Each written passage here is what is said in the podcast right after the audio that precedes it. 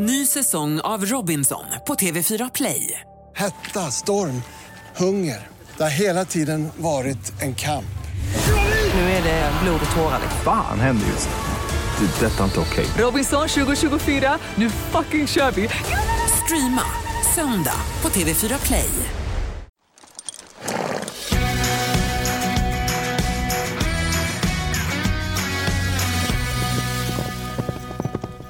Välkommen till ridklubben. Hej, Rebecka. Hej, Gry. Hur, eller hur mår stallchefen? så, det är fjärde dagen idag som jag kan titulera mig själv som chef. Ah. Det känns lika läskigt att säga det varje gång. Vi måste prata mer om det. Jag ska bara säga nu till dig som precis slog på podden då att vi kommer, du kommer få höra hur det lät när vi träffade Carl Walter Fox för några veckor sedan. Det var jättetrevligt. Gud, ja. Han, Ja. Alltså jag hade så mycket frågor. Det kändes som att han kunde så mycket. Jag frågade allt om hur man harvar ridhuset och bygger hagar och allt möjligt. Ja, om hur han tyckte att han var så dålig när han började rida. Och det, sen när vi hade stängt av inspelningsapparaten så sa han Gud, vi borde pratat om det här också. Vi, vi har Ja. massa saker som vi sa att vi måste kanske, Träffa måste kanske ses igen. Exakt. Det kändes som att vi inte hade pratat färdigt. Nej, faktiskt. Och apropå, du vill ju då fråga om harva och allt möjligt sånt, för det finns så mycket. Dels vill man veta om ridning och träning och utveckling och så. Och vi pratade om beteckning också. Du har ju Kingston efter Giro som han red. Exakt. Det är lite Ah. tack vare honom som jag valde den hingsten. För Jag såg när Karl red eh, Diero då, som eh, sexåring, tror jag vi listade ut. Eh, och Det var då jag tänkte att den här, någon gång ska jag ha ett föl efter den här hingsten. Och, det nu har har jag det. Det har du. Och du har en ridskola. Få höra nu. Du, är, du har tagit över nu ridskolan. Ja. Eller hela anläggningen. Ja, Både ridskolan och privatuppställningarna. exakt. Så jag har suttit mycket där. Det är mycket administrativt. Ja. Alltså jätte, jätte, jättemycket. Jag, jag gillar ju liksom att jobba. Ja. Så jag på sidan om håller jag också på att bygga om nere i stallet. Det Vadå? tycker jag är kul. Jag bygger sågar och jag spikar och jag... Vad bygger du om? Jag håller på. Det får du se sen när jag är klar. så jag håller på med lite sånt vid sidan av. Men sen är det mycket, nu är det mycket så avtal och man ska komma igång med de olika systemen. Och, För om det är någon som har missat så är det så att Gustavsbergs... Eh, vad heter den? GURS, Gustavsbergs ryttarsällskap. ja, Alltså som eh, vi har hästarna på och där du har vuxit upp. ja, Är precis. lokalerna, stallet är till salu man hoppas på att kommunen ska vilja ta över den. Ja. Eh, men under det här närmsta året då arrenderar du hela verksamheten från de som äger den idag. Exakt. Så det är du som nu driver det för att ridskolan skulle ha lagts ner nu i juni annars. Ja. Och barnen var förtvivlade förstås. Jag med. Ja, Jag ja, jag också. Alternativet kändes superdåligt. Och Ja. då kände jag så här, det känns ju lite läskigt att göra allt det här själv. Ja. Eh, det är min mamma då, som äger anläggningen och ridskolan och eh, hennes kompanjon Anna-Karin. Och sen var ju Ninni med från början, så de var liksom tre stycken som startade upp det här. Men de gjorde det också från scratch. Det var ju helt tomt när de kom. Så Ja. de du vet, samlade in sadlar och träns och hästar och allt möjligt. Jag får ju ändå driva vidare något som funkar och Ja. finns. Så det är ju lite lättare, men ändå lite läskigt att göra det själv. Ja. Men eh, mamma Anna-Karin är ändå kvar här i stallet. Så jag, de har sagt att jag får ställa alla tusen dumma frågor. och så kändes det som sagt så dumt om ridskolan skulle läggas ner till sommaren. Så då kände jag att jag måste ändå våga prova och chansa. Så det du- kanske bara blir ett år, men förhoppningsvis så köper kommunen och då ska jag verkligen visa mitt stora intresse att De fortsätta. måste göra det. De Ja. måste göra det. Jag vet, jag tycker också det, men jag vet, det känns läskigt fortfarande. Ja. Gör det. Men du gör det som du kan. Ja, men såklart. till. såklart. Ja. De Och har ju tillsatt någon form av samordnare som ska se över ett eventuellt köp här. Så jag Ja. försöker förse henne med så mycket bra information som möjligt. ja, men det väl... Gud. Hur känns det då när du går runt där och tänker att du är ansvarig för allt det här? Det är så mycket jag vill göra. och där är så svårt. Jag är så svårt för att jag vill bli klar. Mm. Och det kommer jag inte bli här det närmsta året. Nej. Eh, så, men det, jag försöker också skriva så här to-do-listor. Och det här är prio ett och det här är prio två. Och så får man ju vet, ja, Ja. göra något form av... Man kan inte göra, jag kan inte göra allt själv för det första och jag kan inte göra allt på en gång. Nej, för sån är jag. Jag, vill ju göra, jag börjar lite grann där och sen så helt plötsligt kommer jag på det här och sen så något tredje och så kommer jag upp i- på övervåningen och då står alla skåpluckorna öppna och dammsugaren framme och jag håller på vika tvätt samtidigt som jag lagar mat. Alltså det går ju inte. Nej, Och framför allt inte på en sån här stor anläggning. nej exakt. 75 hästar och massa 300, vad är det, 300 ridskoleelever och Precis. gymnasium och handikappridning. Och, alltså man måste ju verkligen vara strukturerad. Ja. Men jag tror att jag är ganska bra på det. Ja. Just nu känner jag att jag bara vill städa och rensa. Mm. Mamma Anna-Karin har hamstrat lite. Ja. Och det måste man kanske också göra när man har ett sånt där ställe, för det är dyrt. Jag, man måste ju verkligen vara ekonomisk också. Ja. Eh, Man kan inte tänka att man köper nytt hela tiden, för det har man inte råd med. Utan man måste ju verkligen ta hand om det man har och försöka laga och så. Mm. Men eh, vissa saker tror jag att det kanske bäst före-datumet har gått ut för länge, länge sedan. så jag tycker också ska... Jag gillar ju liksom att ja, rensa och städa och organisera och att allt ska ha sin plats. ja. Gud, vad spännande. Ja, jätteroligt. Och hästarna då? De har semester? Ja, men de fick semester. Jag tänkte att jag skulle hinna rida, men det gick ju sådär. Så att nu kände det lika bra att de får gå ut på bete. Så då har jag släppt ut dem med ridskolehästarna faktiskt. Och det de- funkar bra? Jättebra. Gud, vad skönt. De är så gulliga. Idag åkte jag ner och vattnade och då ropar man när man kommer med vattnet. Då kommer de galopperandes och så säger de hej, dricker lite och så sticker de igen. Så mysigt. Gud, vad härligt. Ja. Jag släppte Milan med 200 ponnyer i gräshage, för, alltså ordentlig gräshage för första gången igår. Han har gått i så plock, alltså gått och plockat lite. Ja. Smågräshage har han gått. Ja. Eh, men vi var på tävling i helgen, så att innan dess ville jag inte att han skulle gå Nej. och liksom riskera någonting med mage eller tappa skorna eller vad det nu kan vara. Och det gick ju jättebra i helgen. Ja, Ja, det, hon så kom två, red två klasser och kom två i båda. Och Ja. framförallt, framför allt så var han så fin. Ja. Och hon red så bra, tycker jag. Men han, han är så jäkla, sån jäkla mysig ponny att ha med att göra det där. Vad roligt. Alltså, han är så gullig. Han, nej, han är så gullig. Jag tycker så mycket om honom. Ja. Han är snäll och glad och peppig. Och liksom, de känns som ett team. ja. Så härligt ju. Det känns som att han tycker det är kul. Han, Ja. De här verkar, verkar tycka om att vara iväg på tävling, känns det som. Ja. Jag vet inte riktigt. Man ser som så nöjd ut. Då. Ja, så Ja, rider de lite. Och så, och Nicky, första klassen, jag hörde efter, var, efter vartannat hinder så man bra, ja! Från banan. Duktig! Och så vidare mot nästa hinder. Ja. Bra! Jättekul. Så gulligt ju. Jätte. Men... ehm, eh, men Ska han vila då nu? Nu ska han vila. Ja. Han ska vila i, helt och hållet i två veckor. Mm. Och Sen så ska han börja sätta sig igång lite lugnt i två veckor. Och så ska han få tävla några veckor och sen ska han få vila igen lite grann i Ja. Det var, när du och jag ska till Malmö, Just det. när vi ska till Jägersro Ja. på hästarnas mästare, ja, det ska bli så då, kul. blir det ett litet, då får han vila kanske typ en vecka igen där. Ja. För det blir lite, vi får pussla lite. Ja. Men det var härligt att få släppa ut honom på gräs. Han Ja. är härligt när de tar fart och bara känner livet i sig. Ja. Det är härligt. Det var också mysigt. Vi har en ridskola som har skadat sig. Det är alltid Nej. någon som gör sig illa. Det är ju... Det är det där då. Exakt.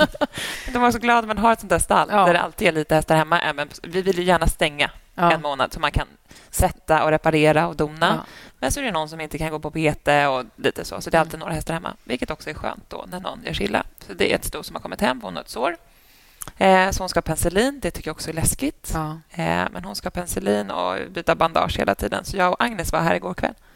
Och Det var så mysigt att vara här och pysslade lite. Och sen hon bara, mamma, jag vill rida. tog vi in en ponny i ridhuset som hon red runt lite barbacka på och kramade lite och tränade på så här, jorden runt, heter det va? Man ska sitta baklänges och på sidan och åt Ja. rätt håll. och så. Eh, Hon tyckte det var så mysigt. Då inser man ju hur gärna man vill att hon ska få det här intresset också. Det Jag såg ju en ju. liten A-ponny som tävlade nu i helgen. Ja, Den redan lät det. Ja, det var som fart den där lilla A-ponnyn. Den bara for som ett skott runt banan. Jag har aldrig sett en sån liten häst hoppa så mycket. nej. Otroligt gulligt. Och det kändes också som att den ville springa. Ja. Oftast upplever jag att de där små måste man tvinga Ja, nej, lite den att här röra på den sig. var mycket sugen på att springa och hoppa hinder. Nej, så gulligt ju. Ja. Ja. Nej, men så, att, eh, så det är skönt. Så peppa på det. Det är det där med såren då. Men det känner jag, då tänker jag att om det är fyra veckor till nästa tävling och man, alltså så här, det, man, man riskerar ju att de gillar sig. Ja, men det Men gör man ju är året runt. Ska man ha dem i box då resten av livet? Det går inte heller riktigt, eller hur? Nej, jag tycker att det är viktigt. Hästarna måste få vara häst. Exakt. Jag tycker det är, jag tycker det är härligt. De måste få gå runt och hå- hålla på. Ja. Och det är ofta så gör de sig inte illa. Alltså, nu har jag 30 hästar. Det är klart att en kommer göra sig illa. Ja, jag har bara en och jag vill Exakt. inte att han ska se illa. Nej. Men, men han Ja. får, nu får han gå där och Jag hoppas få lite nya kompisar. Där. och Det är också så skönt när man släpper ihop dem med nya hästar som de inte har gått med. Nej. Och så bara funkar det hur bra som helst Ja. med alla hittills. Det är det där med vallacker. Jag Peppar, peppar. har för mycket ston, har jag insett. det är inte alls lika lätt alltid. Nej. Ston är lite klurigare om de inte... Är de bästisar så är de bästisar, då är det toppen. Mm, Men har man jättemånga så är ju inte alla bästisar. Men vallacker upplever jag oftast är lite lättare. Vi har ju, nej men jag har ju liksom en helt stor flock med. Vallackerna, den ena åkte med Anna-Karin och den andra är hos en tjej som ska hjälpa mig att ta hand om honom i sommar. Så de är bara stående, den här flocken. Och likaså storhästarna, förutom en storhäst som är vallack. Men han är typ icke artbinär, tror jag. Han vet inte... alltså, jag vet inte om han vet att han är häst. Nej. Han är väldigt... Han är egen, liksom. Men kul, jag, jag, jag tror han är toppen. Men han bryr sig liksom noll om ston. Nej. Så det funkar jättebra. Gud, vad härligt. Ja. Vad roligt. Ja.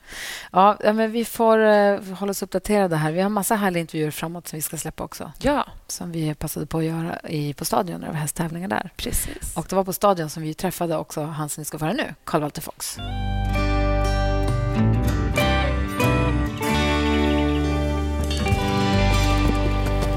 Nu har Ridgubben-podden eh, fått den stora äran att få slå sig ner med Carl Walter Fox. Hur är läget? Jättebra. Vi är i Stockholm, så kunde det inte vara så mycket bättre. Trivs du bra här? Ja, det är helt fantastiskt. Det är en så mysig atmosfär att kunna vara på hästtävling som är det bästa som finns och sen bara gå rakt ut på Stureplan och ta, sätta sig och ta något och käka. Det är fantastiskt. Får du möjlighet av att göra såna grejer också? Eller blir det... Ja, det är det ju för att de här tävlingarna är ju lite lyxtävlingar för oss. Och vi har ju inte så mycket hästar med oss. Annars så har man ju mycket hästar och försöker ta med så många som möjligt. Och här är man uttagen så då får man ta med det man kan. Så jag har bara en häst med mig. Så det blir ju en start om dagen och sen så kan man lite släppa det och koncentrera sig på annat. Men är det liksom business då annars också, eller är det... Det en del är det att det blir mycket, det blir en mötesplats. Så Ja. Det blir som stora konferenser skulle man kunna säga, eller meeting points. Så det är mycket absolut, man ska träffa folk och man har lite samarbetspartners och liknande. Så det blir det absolut, men sen tycker jag det är rätt skönt när man är på tävling och kunna stänga av det och fokusera på något annat. Annars så blir man så nästan överladdad och Ja. bara fokusera på nästa dag eller nästa klass eller nästa tävling. Utan eh, det är rätt skönt att man kan stänga av det och, och bara ja, se lite av Stockholm och göra lite sånt. Ja, en liten minisemester Precis. i jobbet. Liksom. Precis innan vi slog på spelning så pratade vi om eh, hovslagare och barfota och inte barfota och hit och dit. Och så pratade vi om att vi visste om att vit päls på benen, alltså där de har vit päls, är oftast lite känsligare för mugg och för vad det nu kan vara. Men att också hoven, om den är vit, är lite känsligare, berättade du. Det visste inte i alla fall jag. Ja, absolut. Vi har, eh, jag skulle säga att vi har 80 procent av mi- mina hästar utan skor. Och eh, vi märker stor skillnad om de har vita eller svarta hovarna. Svarta hovar är ofta lite mer tåliga och de går inte sönder lika lätt. Och de vita känns lite mjukare och man får vara lite mer uppmärksam på dem. Så nu köper du bara hästar med svarta hovar? Jag försöker, men det är inte så lätt. Det hjälper tyvärr inte att måla hovarna, utan det är insidan, Inte. tror jag. Nej. Typiskt. Det hade varit så bra annars. Ja. Du red ju en svart häst som eh, Rebecca framförallt blev så himla förtjust i. Ja, jag var i Göteborg och kollade när du red Diero, Lux N, när Ja. han var typ fem, tror jag. Eller sex Nå, kanske. Sju måste han varit. Det måste ha varit Lövsta som sponsrar här, deras version Ja, där inne på Scandinavium. Ja, exakt. Mm, då var det sjuåriga hästar. var det sju. Okej, jag kommer ihåg att det var en ung hästklass i alla fall. Det det. Och då jag, vart, jag gillar också svarta hästar Ja. och då var jag så förtjust i den och tänkte att en vacker dag ska jag ha ett föl efter den här. Och det har jag nu. Oj, vad Ja, roligt. så jag har en tvååring, Kingston heter han. Kul. Eh, han började med att försöka spetsa ihjäl sig, Oj. så att han har eh, varit med om mycket i livet. Men är en otroligt gullig individ. Ja, vad kul. Så du får gärna berätta mer om Dioro.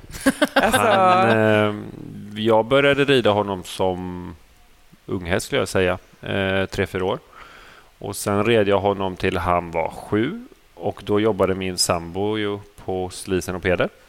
Så sen tyckte hon att hon behövde en till häst i sin team, så sen tog hon över honom. och då var ni ihop? det har vi varit Ja, tillsammans. ja, okej. Och då var ni fortfarande tillsammans efter det? Ja, ja, det var det. Men det passar bra. Hon är en fantastisk ryttare, så att eh, för hästen var det bara ännu bättre. Ja. Ska vi säga att hon heter Stephanie Holmén, eller vet alla?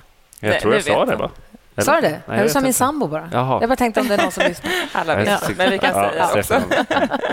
Nej, så sen red hon honom upp till eh, internationellen och 50. Och Men äger du honom? vi har, han har ett eget bolag, Okej. så att eh, vi är några ägare på honom. Liksom. Ja. Så nu är han, eh, i år betäcker han bara.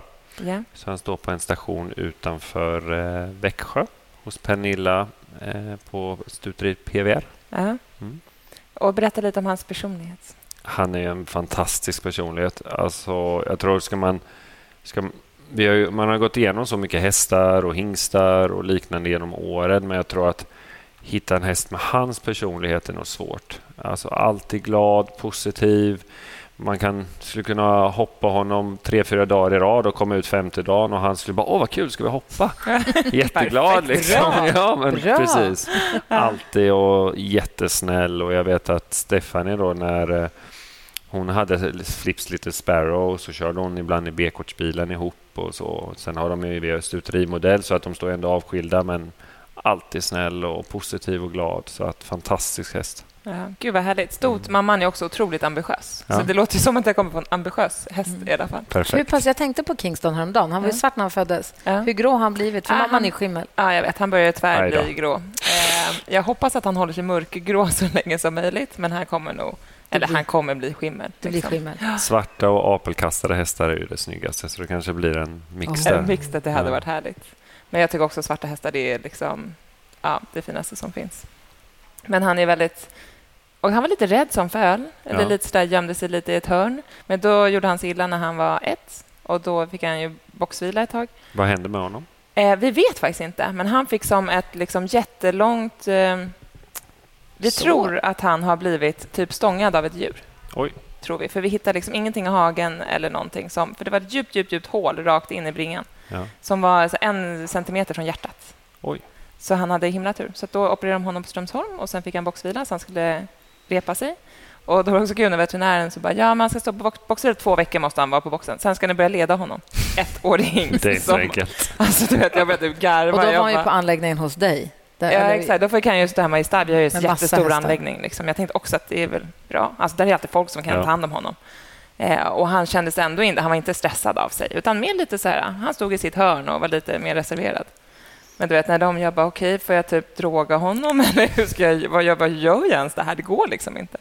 Men då var det så bra, då kunde vi stänga in liksom en stallgång så att vi stängde igen så att han inte kom ut. Nej. Och så gick vi första gången ett varv och så märkte man det vart liksom mer och mer och mer och mer. Så bara in i boxen igen och så väntade vi en halvtimme och sen ut och så. Åh, energin överflödar. Ja, men, och det, han, är, han vill inte vara dum, han har ju bara energi. Han vill ju liksom bara, han ju bara glad. Eh, men han lärde sig, det gick ju bättre och bra. bättre. Liksom. Men sen var jag också så här, jag bara, det är ingen idé, vi släppte honom någonting i ridhuset liksom, innan han skulle gå ut bland sina kompisar. Men sen var jag också, jag bara, det är ju lä- alltså, jag bara, nu kör vi bara ut han i hagen igen. För att ingen, risken är ju större att han gör sig illa här i stallgången eller någon människa än Ja. att vi släpper ut han. Liksom. Och den lyckan när vi körde ut han och släppte ut han i sommarbeteshagen och fick träffa sin bästis igen, det var ju ändå så härligt. Så nu han två. Så nu ska han ridas in i höst. Kul. Eller Spännande. Ja, tämjas. Jag ska Tämjas. inte göra det själv. Jag, jag ska inte göra det själv. Det är bättre. Jag, jag resonerar så med vår också, att det är bättre någon som är duktig på det gör det. Exakt. Det brukar bli bättre Så då. tänker jag också. Men du rider med mycket unga hästar? Ja, fast jag har ju kommit till det lite att när man jobbar med det och jag har ju det som arbete och, och man har ett stort ansvar så ska jag rida en så pass ung häst som jag känner jag inte har kontroll så tänker jag bara jag får inte ramla av och skada mig för då kan jag inte göra mitt andra jobb. Mm. Så då känner jag att det är bättre de som är duktiga på De det. som inte har något att förlora? Ja, eller som, eller som bara är skickligare Ja, på det. Ja. Men det finns ju Som- de som gör det hela tiden, har ju rutin Ja. och gör liksom hur många sådana som Jag helst. hade en av mina yngre då som eh, var, han var snäll men lite känslig av sig och då bad jag Björn Svensson på Unghästverkstan att kan du ta den ett par månader och rida? Och han tyckte ju inga problem. Det, jag kände mig att det var den bästa lösningen för mig och för hästen och för Björn. Sen hade det säkert gått bra om jag gjorde det.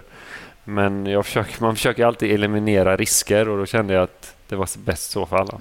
Men hur mycket tänker du på din hälsa? Mycket försöker jag. Ja. Jag försöker med att jag är så lång, jag är nästan 1,90 och, och kille och det påverkar ändå hästarna att om man inte... Jag vill tro i alla fall att eh, om jag lite lutar mig framåt eller bakåt att det, har man en, kanske en, en lite mindre häst eller att de känner av den vikten så jag försöker att verkligen tänka på det och, och hålla efter mig själv. ja. Det gör jag absolut. Rider du med väst? Det gör jag dock inte. Nej. Men jag har funderat lite på om man kanske skulle rida med sån här... Eh, anledningen egentligen till att man... De gamla västarna, det skulle jag säga att det lite begränsar en. Alltså om man är på banan och man, man rider fort och det är lite högre hinder. Man, man var smidig då. Ja. Men eh, det är en väldigt bra grej. Men jag tror att de här eh, heter det airbag-västarna? Ja, här som blåser upp Ja, sig. det ser man ju mer och mer. Och, så det tror jag absolut att jag kommer börja rida med av Ja. den anledningen. Det är en, en bra säkerhetsgrej och det är ju en väl, de sitter ju när de inte är uppspända så att säga så är de ju väldigt, det är ju nästan som en, bara en kavaj uppe på. Men det är väldigt mycket en vanlig sak också. Ja, det kan jag tänka mig. Jag tänker som Nicky, min dotter som har haft väst sen hon började rida dag ett. För det, henne det är för henne är det ju självklart. Ja, precis. Alltså nu har hon inte någon rider dressyr och så, men Nej. alltså hon ska aldrig tror jag, Nej. tänka tanken att hoppa utan att ha väst. Nej, Och så Än. ska man ju, det är ju Ja. alltså så ska man, ju- man ska ju skydda sig desto mer, desto bättre, mer man kan göra desto bättre. För händer någonting så är det ju alltid fasen varför tänkte jag inte på det eller det eller det. Exakt. Hade jag du tänker också köpt ni den? som har det här som yrke. Det är så viktigt för er att ni håller er friska. Ja. För annars så Ja, blir det ju det- jättejobbigt för hela verksamheten om Ja. ni skadar er. Liksom. Hade inte du köpt Jo, en väst? jag har köpt en väst. Och använder du den? Ja. Ja, nej. Jag måste provblåsa upp den en gång, för nu känner jag att jag inte ramla av, för jag vet inte vad som händer. Måste få in banan Exakt, men jag tror också så här, jag skulle vilja veta hur mycket den låter och vad händer när jag liksom... för att testa. Ja, Dra jag en vet. gång. Jag måste prova. Jag ska byta sån här patron Ja. nu och då tänkte jag då passar jag på att dra ur den här. Liksom. Men jag är rädd att känsliga hästar, att om det blir ett poff, att de... Det går så snabbt. Jag tror Jag inte... tror inte att de kommer jag tror fatta inte, att det är det som... Jag tror inte de kommer reagera. De nog, blir nog mer rädda att man kanske själv ramlar ur balans och att man ramlar av Ja, än det lilla puffandet. ja. Det tror jag. Ja, då kör jag på din... Jag tror, jag tror att det är inte tillräckligt för att inte använda västen Om man inte ramlar av varje dag och det blir poff varje Ja. gång. Så. Apropå din sambo, Ja. som vi pratade om tidigare. Sa inte hon att hon aldrig skulle stå i samma stall som du? Eh, jo, det kan hon ha gjort. Och hur ser Nej, det ut vet nu? jag inte om hon har gjort. Om hur ser det ut nu? Nej, eh, vi har, eh, jag jobbar för och tillsammans med familjen Bödmar från Kalmar. Så det är Monica, Jörgen och Linn Bödmar. Och eh, vi har då ett stall som heter Limo Stables som ligger utanför Torna-Hällestad i, utanför Lund i Skåne.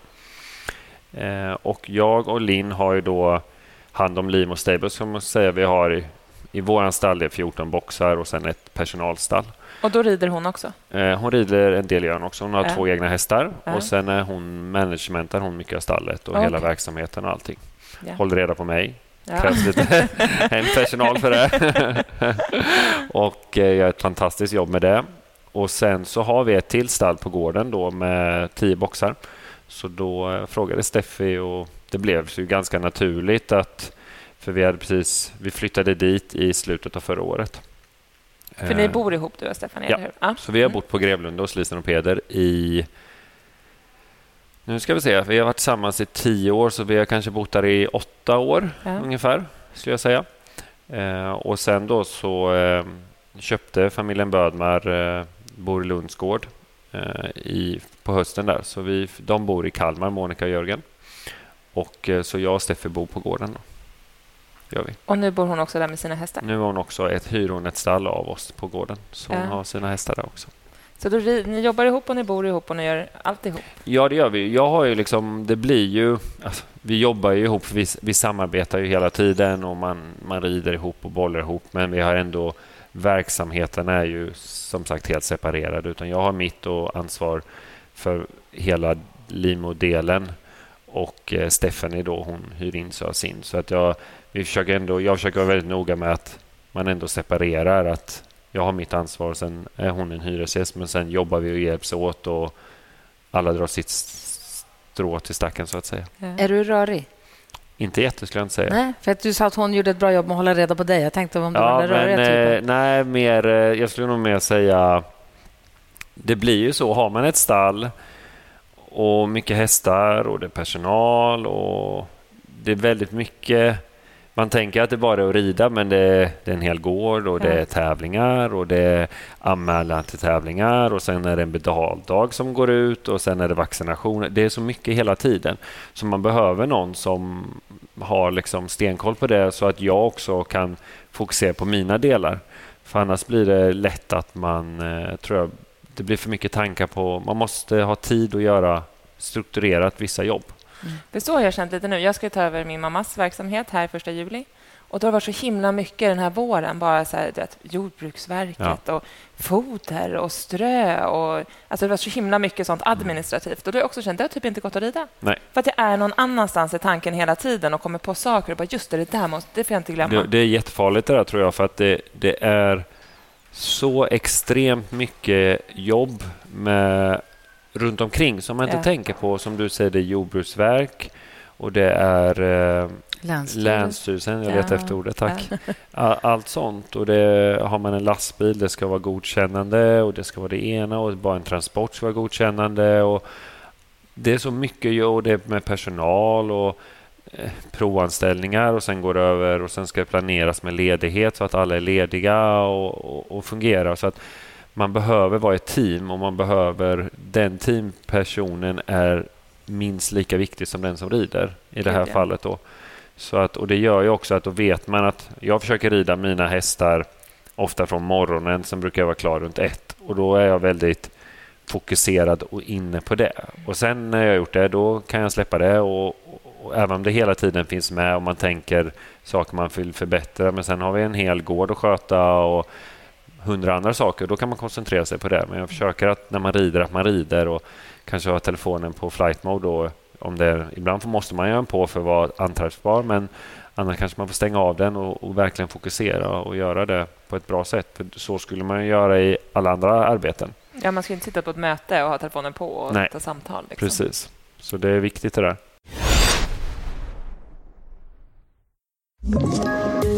Poddtips från Podplay. I podden Något Kaiko garanterar östgötarna Brutti och jag, Davva, dig en stor dos skratt. Där följer jag pladask för köttätandet igen. Man är lite som en jävla vampyr. Man har fått lite blodsmak och då måste man ha mer. Udda spaningar, fängslande anekdoter och en och annan arg rant. Jag måste ha mitt kaffe på morgonen för annars är jag ingen trevlig människa. Då är du ingen trevlig människa, punkt. Något Kaiko, hör du på Podplay. Därför är gardinerna. Om man ska starta, om man ska ha en gård, Mm. vilket är det första och viktigaste fordonet tycker du? Traktor eller fyrhjuling? Traktor. Utan att tveka, var Vi har, vi har ingen fyrhjuling. Nej. Det var en bra fråga, för vi startade ju upp då Limo Stables förra året och då hade vi ju ingenting. Och Jörgen, min eh, Okej, nu, ska, huvudarbetsgivare, nu ska jag suga åt mig här. han kan ju jag. säga, han ställde ju samma fråga till mig. Okej Karl, vad behöver vi? Och jag har ju jag är uppväxt på gård och har jobbat på maskinstation och liknande så att man har hållit på med det hela livet. Och då blir jag, givetvis försöker man ju ändå man försöker ju vara så ekonomisk och så sparsam där det går och tänka vad, vad är praktiskt, vad behöver vi? Men det ska vara funktionellt och enkelt och det ska fungera bra för personalen. För att man har jobbat i så många stall och så många olika gårdar där det kanske inte prioriteras hur vi ska kunna göra arbetet så enkelt och så bra för alla som jobbar så att vi kan lägga energin och fokuset på hästarna och det vi verkligen vill få fram någonting utav. Men då gjorde vi så att vi har en traktor, en stor traktor som vi använder till allting kan man säga på gården. Och det kan ju vara allt ifrån eh, ja, vi, har, vi mockar i gödseltunnor för att spara tid så att man inte behöver gå med skottkärror då utan då så när vi har mockat färdigt så kan vi köra ut tunn- kör man ut tunnorna och sen på dagen så bara tas de upp med traktorn och, och töms. Eh, och liknande med pallar och allting och det kan man inte göra med en fyrhjuling utan eh, fyrhjuling får man mer dra saker bakom. Jag Så- förstår inte det här med tunnorna. vi har, eh, om du tänker, eh, hur ska vi beskriva det här? Mocktunnor är ju som, om du tänker som en traktorskopa ser ut. Mm. Det vet ju de flesta. Och sen är det lite högre kanter och så är det två hjul på dem. Och så är Just de gjorda det, i aluminium. Så hjulen sitter i mitten. Ser nästan ut som en fodervagn fast med ja, lock. precis. typ. Och på kanterna sitter två småhjul så att du kan snurra den 360 grader. Aha. Och så kan du mocka, jag tror med spån kan vi säkert mocka sex boxar i en. Och, Så eh, kör du den genom stallgången och så mock, mock, så bara mock. mockar vi. För att jag har mockat när jag var ung och jobbade på en stuteri och mer eller mindre jobbade med att tömma bäddar. Mm. Och då gick Åh, vi hand jobb. med skottkärra. Och jag, det räknade man ut ganska snabbt då att tömma de här bäddarna, det var en sak, men att gå med skottkärrorna, Mm. det är det som tar tid. Och. Det är det jobbiga och så kommer du till gödselstacken och så ska du gå ut på en bräda och så missar du brädan. Eller så ramlar skottkärran.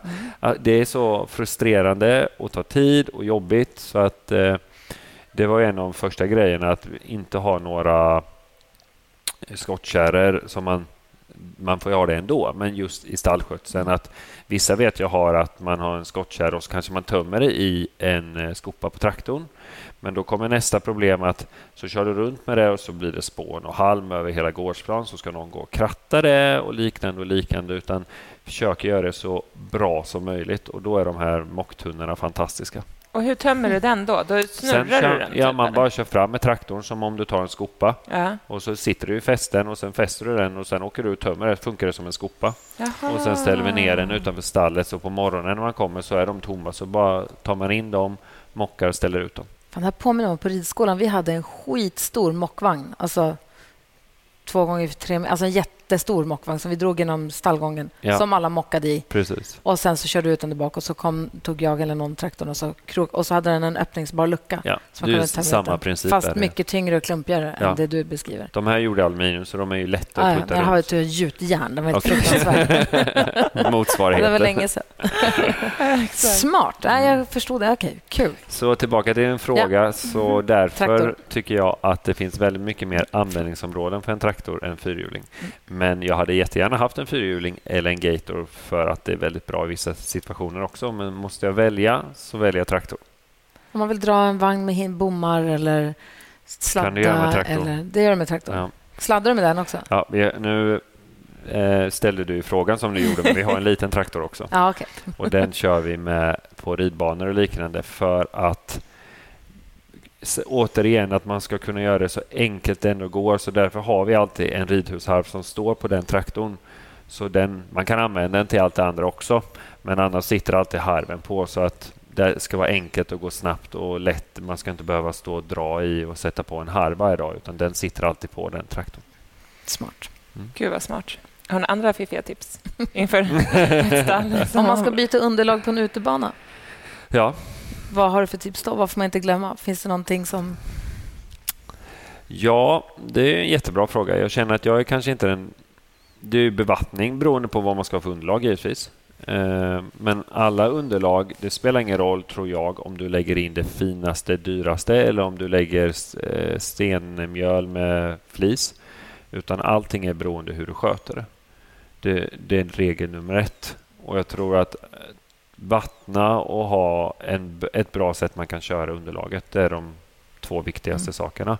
Och Sen kan man anpassa underlaget till vad man känner man har råd eller möjlighet med för dagen. Men att man kanske frågar någon vad som är bra med harvning. Som jag tror många kanske... Vi försöker ju när vi harvar att vi harvar aldrig så djupt utan vi försöker mer vara på ytan och bara plana till det. Och vattna och så att man inte gräver runt för mycket i underlaget. Och hela tiden skotta spåren och hålla, göra sådana små saker för att hålla efter det så att det, då blir det så bra skick som möjligt. Och då tror inte jag det är något fel på lite enklare underlag. Absolut inte. Utan så länge man håller efter det så får man allt att funka. Det tror jag också. Har ni, skottar ni kanterna för hand eller har ni en sån här draggrej? Vi har en liten draggrej som man drar. Och då drar man den för hand? Ja, Och den funkar bra? ja jag drar Det är inte den. tungt? Nej, jag drar den. Det är bra. Nu har vi ju tyvärr ett långt ridhus. Tyvärr. Ja, men det är 75 meter långt så i slutet om man har slarvat lite och inte gjort det där kanske en gång i veckan eller två gånger. Då blir, kan det bli lite tungt, men då känner man ju av det i benen. Ja. Men det är bra för benmusklerna. Men det är inte alls tungt. Nej. Utan den, jag tror de, det är en sån här silvrig... eh, Exakt, det ser ut som en liten skopa typ, som är Precis, på en och så är det ett handtag man Ja. drar i. Exakt, en sån har vi. Och den måste jag säga, den går mycket lättare än vad man tror. Ja, Jag gjorde utebanan häromdagen nu innan vi åkte hit och det gick väldigt lätt. en sån jag kanske tänkt att jag ska Ja, införskaffa. Det är nog bra om man på ridskola också i och med att där går ju ponnysarna och hästarna samma spår. Exakt. Så det är nog jättebra. För vi, måste gärna, vi klättrar ju spåret varje dag. Ja, måste kör vi du med en sån, det tar fem minuter max att gå runt. Men ska, jag vet att jag har jobbat på mycket ställen där vi skottade spåret och det är ju jobbigt. Ja, det är skitjobbigt. Ja, så att det, ha en sån, jag tror de kostar kanske 2-3 tusen kronor. Ja. Det är en väl värd investering. Ja. Nej, för det har jag tänkt lite så här. Dels så vill man ju ha god kommunikation. Det känns som att det är viktigt och Mm. svårt såklart. Eh, men också så här, underlätta. Det man kan underlätta i arbetet för oss människor, Ja. det ska man ju inte spara in på. Nej. För det tror jag lönar sig i slutändan. Och, och sådana saker, det är en så liten grej, men att slippa stå med en spångrep och, och, och skyffla och speciellt om det någon ung tjej eller ska göra eller man ska göra det, försöka hinna med det. Det är så lätt att man, oh, jag orkar inte idag, vi bara harvar över det. Ja. Och sen går det mer och mer och sen måste man ringa någon entreprenadfirma som kommer och lasrar hela underlaget istället. Exakt. Så att eh, sådana små grejer är bra. Ja. Harvar du ridhuset, eller? Jag försöker göra det nästan varje dag på eftermiddagarna. Ja, för jag hör, har, kör ni bara då som en matta? Typ? Nej, vi har en, eh, det är en harv med en eh, sån här gallerrulle bakom. Ja, en sån här rulle rullar. bakom. Liksom. Från början när den kom så var det till och med några lite större pinnar på den, men de skruvade jag av. Så nu är det bara som vanliga klassiska harrpinnar Ja. och sen bara den mattan bakom.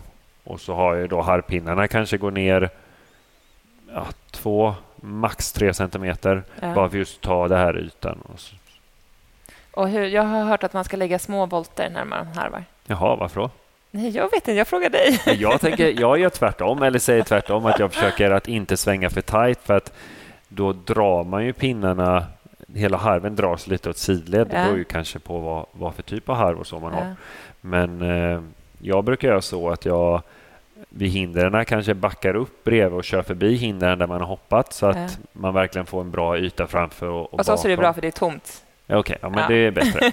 Men och sen försöker jag köra liksom lite större svängar så att det inte blir de här snäva svängarna också med Nej. traktorn. Och jag vet, har man traktor, det beror ju lite på, nu är vi inne på avancerat, men har man en traktor med lantbruksdäck som man tänker de här lite grövre vena på.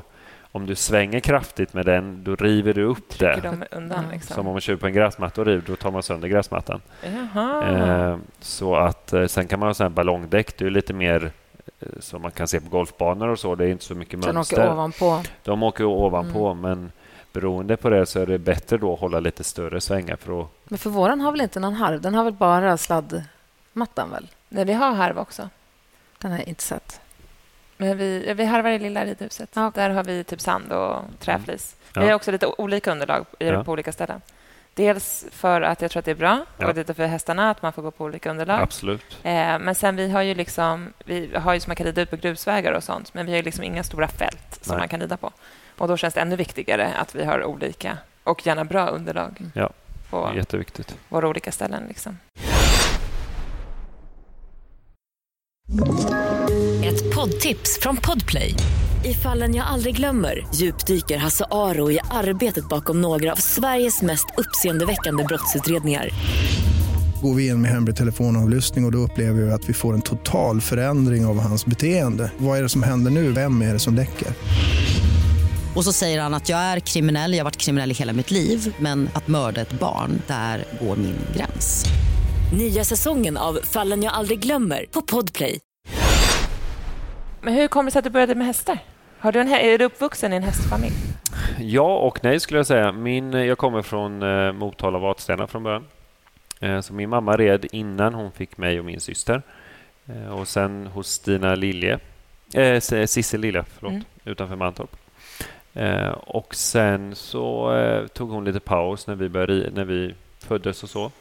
Och sen dog min far när jag var ung. Eh, och eh, då började hon rida lite, en, en form av bearbetning och kunna tänka på lite annat. Så då var första gången man var med och, och red. Jag kommer ihåg att första hästen jag red på var en stor häst, en gul med vit man. Hos Wow. då Lilja. wow. Ja. det var första hästen jag satt på. Och sen flyttade vi till Skåne när jag var 12. Eh, mamma träffade en ny man då, så vi flyttade dit. Och då blev det att vi hade lite, de hade en stor grisuppfödning och grisgård, så vi hade lantbruk. Så då blev det lite att man red och, och liknande. Och då red man och tävlade och lite som man gör med B-ponny och så. Eh, jag var rätt dålig, eller jag var väldigt dålig ska man ska vara ärlig. Det brukar man säga, men jag var det. Eh, men eh, så jag tävlade mest B-ponny, gjorde jag. Då är inte hinnor så höga, så då blir det inte lika svårt. Sen blir det högre hinnor, då blir det svårt. På vilket sätt menar du att vara dålig? Alltså bara otränad eller? Jag vet, alltså jag hade aldrig riktigt så här, många, man ser ju vissa ponnybarn, de är, de är så jäkla naturligt, de bara kör. Ja, vissa de är bara så har duktiga, man Ja. bara blir så jäkla imp- Jag såg och kollade på igår, igår när de red här på, inne på staden, alltså man är så imponerad. Ja. Eh, Men jag, jag vet, jag hade jättesvårt att se distanser och sånt. Bromsa mycket och tog och gav jättemycket i hästarna och då blir det ibland, ja, så förstör man kanske mer för hästarna än vad man hjälper dem ibland. Och sen hade jag en liten break Eh, och sen så började jag jobba med hästar mer och mer när jag var 16, 17 år ungefär. Det brukar vara tvärtom. Ja, jag Ja, vet, men jag hade, det var lite personliga i familjen hade lite jobbigt med ekonomiska möjligheter och, och liknande. Och, eh, då de höll på, eller mina föräldrar då höll på med grisar och det var dåliga tider och liknande. Så att det fanns, vi hade inga möjligheter hemma och vi var många syskon så att då blev det att jag flyttade till, bodde hos mina kusiner ett år eh, uppe i Östergötland och då så red jag lite grann bara, men inte så mycket. Fan, det låter som att din mamma fått kämpa. Ja, hon, har, hon är en Ja. fighter. Eh, det är hon verkligen. Och sen eh, så flyttade jag ner igen till Skåne och då blev det att jag började jobba med hästar mer och mer. Och sen är det ju, det är ju svår, det är ju så himla svårt med ridsport och alla sporter. För det finns inget givet. I fotboll så har du kanske ett givet sätt du kommer framåt. Ja. Utan man... eh, Då har man kanske ett lagåtkontrakt och en Ja, coach. och som är du duktig så liksom. fångas du upp Gud, ja. och du får jobba stenhårt men du, du, kan, du vet att om jag jobbar stenhårt kanske det leder någonstans. Ja. Ridsporten är ju svår så. Men eh, så jag började jobba lite där på lite stall och ja, red lite grann och gjorde mycket annat och kämpade på med det ganska länge. Jag var inte, jag var inte så duktig. Men eh, jag fick rida Men du mycket. blev ändå anställd i ett stall. Ja, alltså det var ju liksom, gjorde mycket eh, stalljobb kan man ju Ja. säga. Mycket Vad då du tömde... grooma och tömma ja. boxar och rida lite grann och mycket sådär liksom. Bara mer att man älskar att vara med hästar och göra det. Ja. Och då hade man ju inte kanske det är lätt att sitta på världscupen och titta eller titta på läktaren här och tänka åh, där skulle man vilja rida en dag. Men och, man kanske inte riktigt förstår vad som krävs bakom och så. Ung och dum och det är bra, tycker jag. eh, och, eh, men sen så i alla fall efter ett par år där så eh, kom det sig att de jag jobbar för där kände Rolf-Göran lite grann. Så att eh, de ringde och frågade om jag ville, om han hade plats för någon som kunde jobba hos honom. Och det hade han då. då. Så då flyttade jag dit. Och då över runt 20. skulle jag Och hade du, blivit, hade du lärt dig rida då? Nej, Alltså, nej, alltså jag, var hoppa, jag hade hoppat 1,30. Jag tror, jag kommer inte riktigt ihåg, men jag tror jag hade hoppat 1,35 Men då måste du med ändå... 12 fel, typ 16 kanske. Ja. Om man ska, jag kom i mål i alla fall. Men jag tänkte, nu är du ju skitduktig och du är inte så gammal. Så vad Ja, hände jag hos Rolf vet. Göran? När blev du bra? Nej, men ja, jag tror inte är bra än, så jag kan inte säga. Men, nej, men, så jag kom ju till Rolf då och eh, jag tror det var min räddning, eller det som var bra för mig, var att jag kom till Rolf. Rolf är ju en fantastisk ikon. Han är en, både en fantastisk människa och ryttare. Och han är ju bondpojk från början och jobbat både med gård och liknande, men med hästar också. Så att det gjorde väl lite att när jag var hos honom att jag, eh, jag körde mycket lastbil. Jag såg till att ta mitt lastbilskort innan jag flyttade dit. Ja. Eh, inte för att jag hade lastbil, men jag tänkte det är bra att ha det i bakfickan. Liksom. Det, det, är alltid, jag vet, det var en av de första grejerna de frågade. Jag var i Flyinge då på tävling där de hade det här Volkswagen Grand Prix. Då. Ja. Och då var han och Bo Kristoffersson där. Så då åkte jag dit och bara skulle hälsa på dem. Och då vet jag att Bo frågade, har du lastbilskort? Och jag bara, eh, nej, aldrig. Jag hade inte ens kört en B-kortsbil, så jag hade inte lastbilskort. Men jag, så jag åkte hem och tänkte, jag måste ha lastbilskort snabbt. Ja. Så jag köpte böckerna eh, på nätet, begagnade på Blocket. Eh, pluggade som fasen i typ tre veckor, skrev upp, klarade. Och sen eh, tog jag några körlektioner och tog lastbilskort. Eh, och sen när jag kom till Rolf så, så fick jag, det var ju också en sån grej. Då hade han, han var ju världsbäst kan man ju säga. Han var väl som Peder nu då kan man säga. Var det då han hade Ninja? Han är, Ninja var precis i slutet. Eller var det- ja, det var Casall slutet. och liknande. Ah, okej. Casall och det Ah. gänget var då. Så Pia-Lotta hade varit redan? Ja, det var mycket Ninja tidigare. Var, ja. Precis. Mm.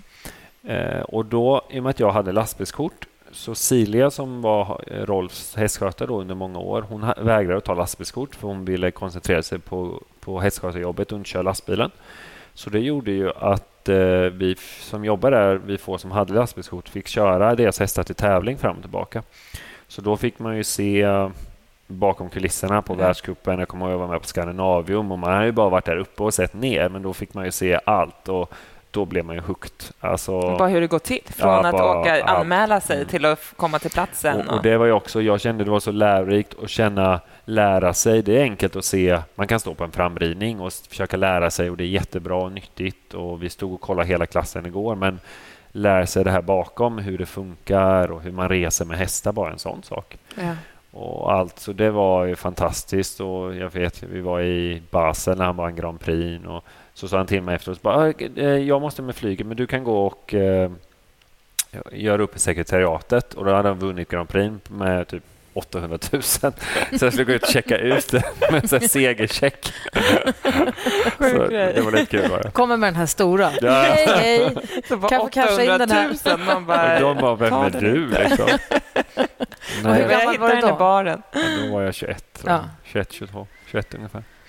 Så att, eh, nej, det var jättelärorikt. Och sen en dag, och sen efterhand lite så red jag, fick jag rida mer och mer hemma. På ridningen. Och, eh, så jag red ju Rolfs hästar hemma kan man säga, alla de hingstarna och så. Och motionerade dem hemma och så fick jag även några unghästar som jag tävlade lite grann så småningom och hoppade lite så en meter, 1,10, lite 1,20 på. Eh, och gjorde det och Rolf var ju fantastisk att han han var så jäkla noga med att vi som jobbade där, om man då, som jag då som hade det jobbet att rida hans hästar också fick träning av honom. Och det betyder guld. Jag vet en gång jag var i Bremen och hade lämnat någon häst som skulle den skulle någonting där och det var väl kanske fyra timmar att köra med lastbil. Och jag skulle få hoppa en av hans hästar då som höll på att hoppas igång. Och Eh, Men så var jag tvungen att köra med den och ja, en stressig dag. Så att jag var inte hemma förrän fyra och då blir man ju fasen också. Nu kunde jag inte träna för Rolf men då stannade han kvar och såg till att man kunde träna för honom. Så att eh, det hjälpte ju enormt. Och sen eh, så träffade jag Stephanie där så Rolf-Göran. hos Rolf-Göran. Okej. Var hon också där? Eh, nej, hon hade, då jobbade hon med någonting som heter Horse Online. Okej. Nej, inte Horse Online. Horse... Vad heter Ett tv-kanal. Horse One hette det kanske. Ja. En Stock, från Stockholm här. Det var en... eh, Jag tror det hette Horse One. Ja. Eller lik, något liknande. Ja. Men i alla fall, så hon var en profilryttare och då tränade, hade hon precis börjat jobba hos Lisen och Peder. Och så fick hon åka dit och eh, ja, hon hade liksom en budget hon kunde träna för. Så då åkte hon dit och eh, tränade och då, där träffades vi. Vem var det som raggade upp vem? Det var nog jag. Tror jag. jag vet att jag kommer ihåg att jag hade ju sett henne mycket så här när man tittar på resultat och åkte och kollade på tävlingar. Man var hemma i Sverige och red. Men eh, eh, ja, alltså då tyckte man ju man skulle aldrig våga prata med någon normal bonnapojke. Skulle inte vilja våga prata med henne som tävlare och red liksom. Men eh, nej, så att jag eh, tog i alla fall först steget i alla fall börja prata lite. Och sen ledde det mer och mer. Sen eh, hade vi långdistansförhållanden då under ganska länge. Och sen blev det lite att vi inte riktigt visste. Kände vi ville liksom vara tillsammans men visste inte hur. Och jag hade ju, alltså, jag jobbade ju mer, hon hade ju ett professionellt jobb. Jag hade ju ett jobb med mer, jag gjorde ju alla delar från liksom att rida hemma till att grooma till att köra lastbil lite så. Så att det blev ju då att då fick jag eh, eh, flytta på mig. Så då flyttade jag hem till Sverige. Gjorde jag. Och då hittade du, då startade du eget? Nej, Nej, då, du... jo, först visste jag inte riktigt vad jag skulle göra. Nej. Eh, men eh, sen började jag jobba hos Lisen och Peder. Så jag var där ungefär ett år kan man säga och lärde mig jättemycket på också. Eh, så då var jag väl 24, 25, något sånt där. Eh, och red lite unghästar och så. Sen hade de inte så mycket hästar då så att det blev liksom... Ja, Stephanie skulle givetvis... Hon är ju en av de bästa ryttarna som finns i min mening. Eh, Så att det blev lite mindre och mindre hästar just då och då så blev det att jag eh, startade lite eget och eh, hyrde ett eget stall då först hos Magda Hermelin på ett stall Lagerfält i Sjöbo. Under en period stod jag där först och då hade jag bara en, två hästar kanske. Och sen så flyttade jag till Malin, Malin och Erik Stjärnsvärd som också bor i Sjöbo då och hyrde sex boxar där. Och då har du hästägare som äger hästar tillsammans med dig som du rider och tävlar? Eller I dagsläget eller då? Du... Ja, det, både och. Då hade jag inte mycket. Nej. Alltså, jag hade några hästar, jag hade någon egen och någon från någon man gjorde något samarbete med. Ja. Eh, skulle man se det nu jämför då, alltså vilket berg att gå framåt. Eh, då då är man ju lite så här ung och dum och tänker det här går fint. Liksom. Men nu efterhand tänker man ju liksom bara, "Åh, hur gick det där till? Liksom. Men eh, eh, fick jobba hårt. Eh, jäkligt hårt kan jag säga. Och det är inte enkelt att få ihop, varken ekonomiskt eller är du ingen talang eller har någon som kanske kan hjälpa dig att betala räkningar och så, då är det fan tufft. Oj, man får inte svära, men det är det. Ja. Det får man. Det ska men, man veta. Man göra. Nej, men jag Eh, tänker på de här 14, alltså, eller tjejerna och killarna, ponnystjejer och ponnykillar Mm. som börjar tävla och som sen ser er rida och som drömmer, om de drömmer om SM eller EM eller att få rida ja, på de stora tävlingarna. Den vägen är så lång och så svår. Jag fattar inte riktigt ens Det går. hur fan det går till. Nej, men så det känner går. också så Jag- jobba som ryttare, det känns som att det är som att bestiga Mount Everest. Alltså, Det- Förstå hur mycket skitgörare du ska göra på vägen upp dit. Liksom. Jag, jag tror det är jätteviktigt. Något som jag har tänkt på under... Jag är, liksom bara, jag är strax över 30 och jag, är, jag ser mig själv kanske inte som så duktig utan jag försöker göra det bästa av det man gör. Men något som jag kommer ihåg som jag reagerade på redan när jag var 2021 där och fortfarande då knappt hade tävlat eller inte gjort så mycket som många ser mig annars. De är redan duktiga som junior och young rider och rider 1,50 som 20-åringar och 21 och 25. Alltså fantastiska. Men det vet jag att det var många som jag också hörde att sa, ah, men jag ger det här en chans till jag är 30 och går det så går det. Liksom. Och där har jag mer tänkt att eh, jag borde kunna rida till jag är 70 så jag får ge det en chans till dess i alla fall. så ser vi liksom om antingen lyckas vi eller så var det värt ett Eller så har du försök. bara haft det kul på vägen. Och vad är målet nu då? Alltså, jag vill komma så långt jag kan. Eh, mitt mål, det, det är klart att man ljuger om man säger att man inte vill rida de femstjärniga högsta klasserna här. Sen vet man ju vad som, när man sett, man vet vad som krävs. Man måste ha kanske hästägare som man ser Peder och Malin och Henrik och de har. Eh, som går in och supportar en för sporten för att eh, göra det av den anledningen och man behöver hästarna och, och deras lärdom och erfarenhet. Sen är jag ju... Min styrka egentligen, det som jag i alla fall tror, det är att jag är envis. Och, och jag tror att allting går på något sätt, även fast man inte har någon aning om hur det ska gå. Men vill man bara så borde man kunna hitta ett sätt. Så märker man väl slutet om man inte lyckades. Men eh, never back down liksom. Nej. Och hur tror du att ditt och Steffis liv ser ut om tio år? Typ? Vad är drömmen? Hon har ju precis startat upp eget. Ja. Eh, hon har ju hon har ju verkligen gjort ett namn för sig själv och, och bevisat vilken otrolig ryttare hon är och, och vilken också personlighet hon är. Hon har en väldigt duktig social och trevlig människa och fantastiskt bra tränare. Så att eh, hon kommer ju fokusera nu närmsta åren på att hitta hästägare som vill jobba med henne och, och som hon kan producera fram hästar. Och hon vill ju absolut komma tillbaka där hon kanske var för två, tre år sedan med flips, lite spärr och red på högsta nivå. Jag vill fortfarande komma dit. Jag har aldrig varit där, men jag hoppas att vi båda två kan på något sätt hitta ett sätt med våra egna vägar, men de ändå kan sammanstråla och vi kan hjälpa varandra. Ja. Man drar varandra lite på vägen, Precis, ja. fast på ett varsitt spår. Liksom. Exakt. Ja. exakt. Tack snälla för att vi fick prata med dig. Jättetrevligt. Mm, samma. Tack samma. Och lycka till framåt nu. Tack så mycket. Ett poddtips från Podplay. I podden Något Kaiko garanterar östgötarna Brutti och jag, Davva, dig en stor dos skratt. Där följer jag pladask för köttätandet igen. Man är lite som en jävla vampyr. Man har fått lite blodsmak och då måste man ha mer. Udda spaningar, fängslande anekdoter och en och annan arg rant. Jag måste ha mitt kaffe på morgonen för annars är jag ingen trevlig människa. Då är du ingen trevlig människa, punkt. Något Kaiko, hör du på Podplay. Därför är gardinerna.